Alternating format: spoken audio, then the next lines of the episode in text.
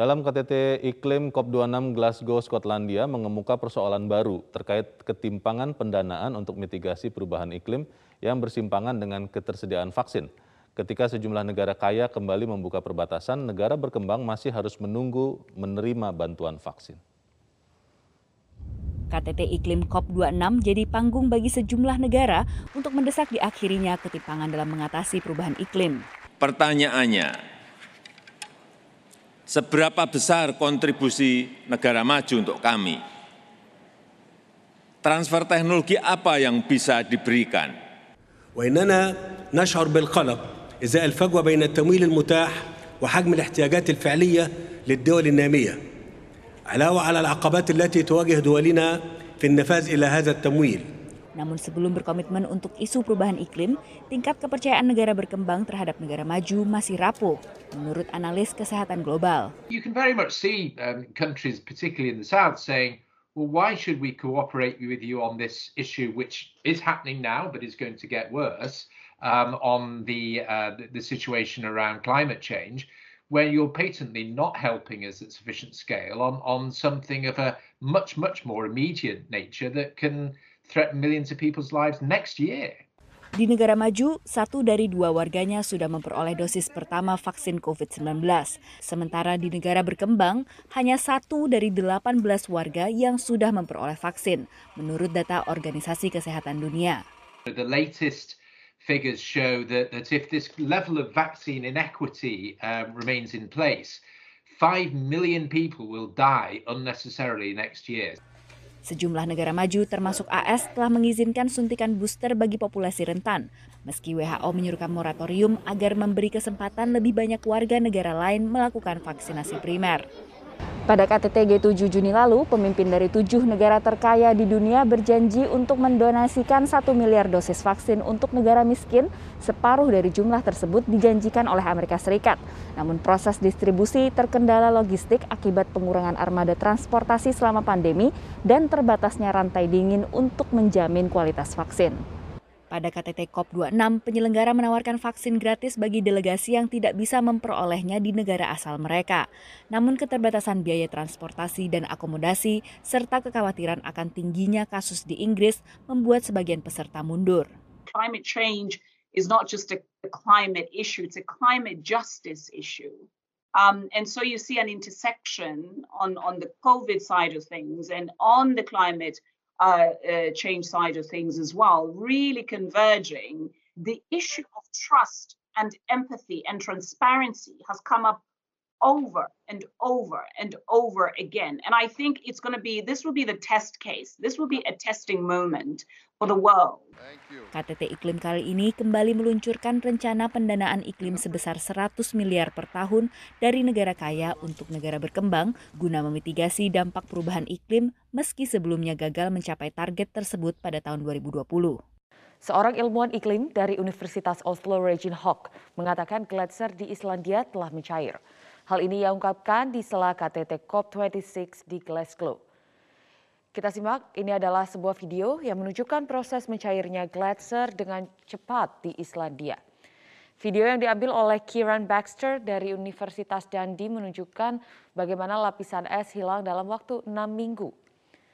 Dengan banyaknya lapisan gletser yang mencair ini akan berdampak pada negara dan komunitas yang selama ini bergantung pada gletser di beberapa generasi untuk menghasilkan listrik, menarik wisatawan, dan menggelar tradisi spiritual kuno. Hawk mengatakan gletser di seluruh dunia terancam karena terus mencair dan kehilangan masanya. Bahkan jika pemanasan global dihentikan sekarang, gletser di seluruh dunia masih akan kehilangan antara 20 hingga 30 persen masanya selama beberapa dekade mendatang.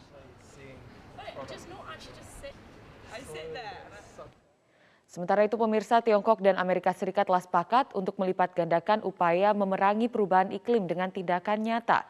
Pernyataan bersama ini mereka ungkapkan pada pertemuan di Glasgow Rabu kemarin. Dua negara pencemar karbon terbesar yakni Amerika dan Tiongkok mengatakan komitmen mereka ini berdasarkan pedoman kesepakatan iklim Paris tahun 2015 lalu, termasuk target pengurangan emisi baru yang lebih kuat pada tahun 2025. Tiongkok berjanji untuk mengikuti jejak Amerika memerangi deforestasi dan mengurangi metana. Analis iklim Belinda Syape mengatakan kesepakatan ini merupakan langkah baik bagi kedua negara. Hal ini menunjukkan Tiongkok dan Amerika peduli terhadap perubahan iklim yang terjadi. Pelajar dan warga di desa Aurduri, Kecamatan Nalo Tantan, Kabupaten Merangin, Jambi, nekat melintas jembatan rusak dengan bergelantungan di tali jembatan untuk menyeberangi sungai. Warga terpaksa melintas dengan bergelantungan di salah satu tali jembatan lantaran tidak ada jalan alternatif untuk bisa ke pusat kota.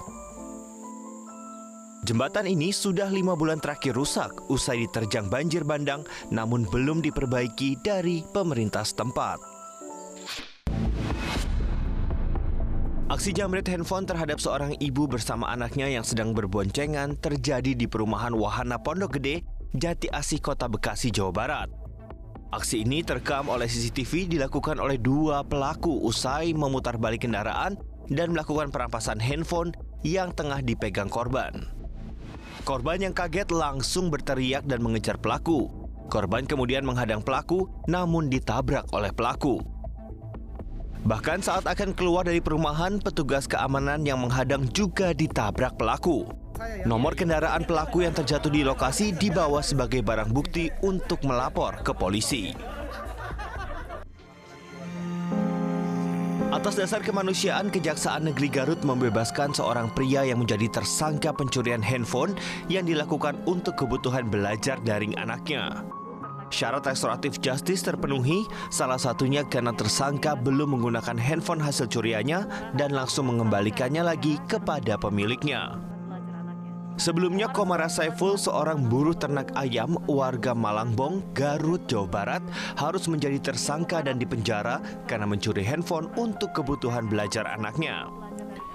Komara sudah menjalani masa penahanan selama dua bulan di Rutan Garut sejak tanggal 7 September 2021 lalu. Niat Komara mencuri handphone bukan untuk kepentingan hura-hura, melainkan karena terdesak kebutuhan belajar daring anaknya saat pembelajaran semasa pandemi COVID-19. Pemerintah Kabupaten Musirawas, Sumatera Selatan terus melakukan vaksinasi COVID-19 kepada seluruh warganya. Salah satunya dengan cara vaksinasi jemput bola dengan menyiapkan 500 dosis vaksin. Vaksinasi ditandai dengan penyuntikan vaksin kepada peserta oleh Wakil Bupati.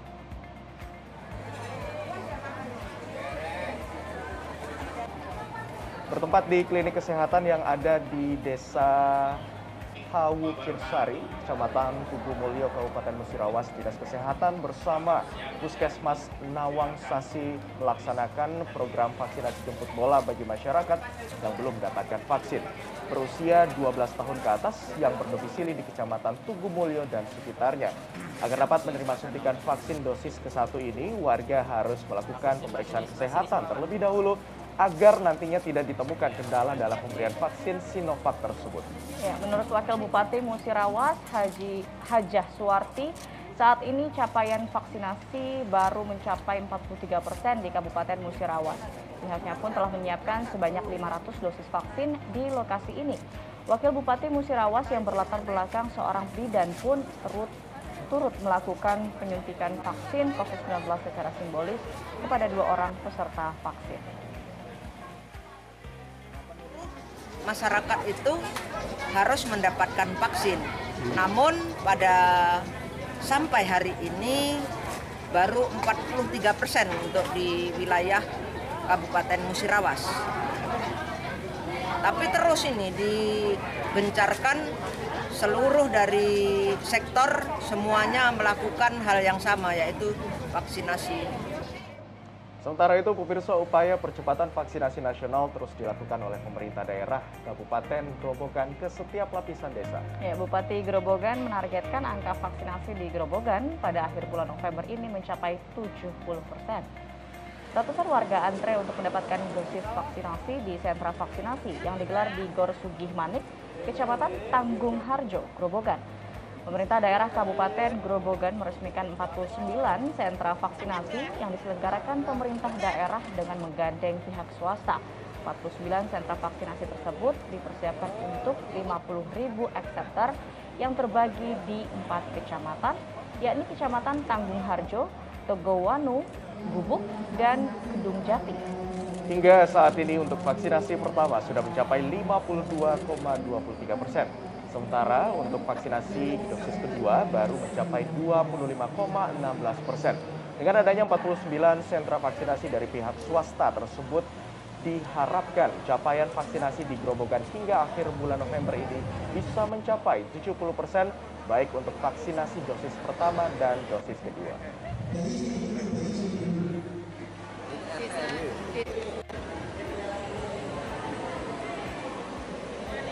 Kegotong royongan ini luar biasa. Dan target vaksinasi di Kabupaten Grobogan yang vaksin pertama adalah hampir 52,23 persen. Yang vaksin kedua 25,16 persen. Dan mudah-mudahan akhir bulan ini bisa mencapai 70 persen. Dan kita minta doanya dan mudah-mudahan vaksinnya juga lancar. Tempat penyimpanan ribuan vaksin jenis Pfizer yang diterima pemerintah Kabupaten Kudus, Jawa Tengah hanya mampu bertahan satu bulan. Dan Pemkap setempat tengah mengupayakan kebut vaksinasi Pfizer agar tidak kadaluarsa. Vaksin Pfizer diterima pada 23 Oktober lalu yang jumlahnya mencapai 40 ribu dosis. Berdasarkan tanggal kadaluarsanya, vaksin tersebut hanya mampu bertahan satu bulan akibat terbatasnya tempat penyimpanan. Ya, Kasih Surveillance dan Imunisasi Dinas Kesehatan Kabupaten Kudus, Anik Fuad mengatakan tempat penyimpanan vaksin Kabupaten Kudus hanya memiliki batas suhu minus 20 derajat Celcius. Sedangkan Pfizer harus disimpan di suhu minus 70 derajat Celcius agar bertahan 3 bulan. Akhirnya kita simpan di minus 20 karena kita punyanya itu. Kalau disimpan minus 20 itu bisa maksimal satu bulan. Karena vaksin Pfizer itu datangnya tanggal. Kalau kita mengejar lansia, kita kan vaksin satu-satunya yang punya adalah Pfizer. Karena Sinovac diperingatkan oleh Kemenkes tidak boleh digunakan untuk dosis satu, harus untuk dosis dua. Pemirsa Indonesia dan Malaysia sepakat membuka rute penerbangan kedua negara di tengah pandemi COVID-19. Untuk tahap, tahap awal, penerbangan dibuka untuk rute Jakarta-Kuala Lumpur dan Bali-Kuala Lumpur. Kesepakatan dibukanya rute penerbangan Indonesia-Malaysia dikatakan Perdana Menteri Malaysia Ismail Sabri Yaakob usai bertemu Presiden Joko Widodo di Istana Bogor. Menurut Yaakob, dibukanya penerbangan dengan Indonesia bertujuan meningkatkan perekonomian kedua negara, sekaligus memudahkan perjalanan untuk bisnis, ketenaga kerjaan, ekonomi, diplomatik, dan dinas.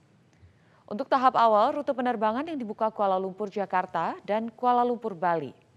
Terdapat sejumlah syarat warga yang diperbolehkan berpergian, di antaranya harus sudah mendapatkan vaksin lengkap, harus menjalani swab test. Basicnya adalah yang pertama kita hanya membenarkan yang mendapat dua dos vaksin. Yang telah mendapat dua dos vaksin. Yang keduanya sebelum pelepasan mesti di swab test dan apabila tiba di sama ada di Kuala Lumpur ataupun di Jakarta perlu swab test sekali lagi. Dan bila negatif jadi tidak ada kuarantin. Jadi bermakna tidak ada kuarantin lagi. Test and release. Test negatif release. Jadi kita akan menunggulah uh, peraturan yang akan dikeluarkan oleh kedua-dua pihak. Dan saya janji, kita berjanji tadi, saya dan Bapak Presiden akan membuat uh, joint statement mengenai perkara ini. Dan kita harap perkara ini dapat disegerakan. Ini bagi membantu sektor turisme yang sangat terjejas akibat daripada COVID-19 yang mana sektor uh, pelancongan ditutup sepenuhnya ya di segi perhotelan dan sebagainya. Jadi kita harap dengan pembukaan laluan ini kita akan dan jika selepas pembukaan itu kalau tidak ada isu yang berkaitan dengan uh, COVID-19 akibat daripada pembukaan ini kita akan buka lebih banyak. Direct flight mungkin ke Medan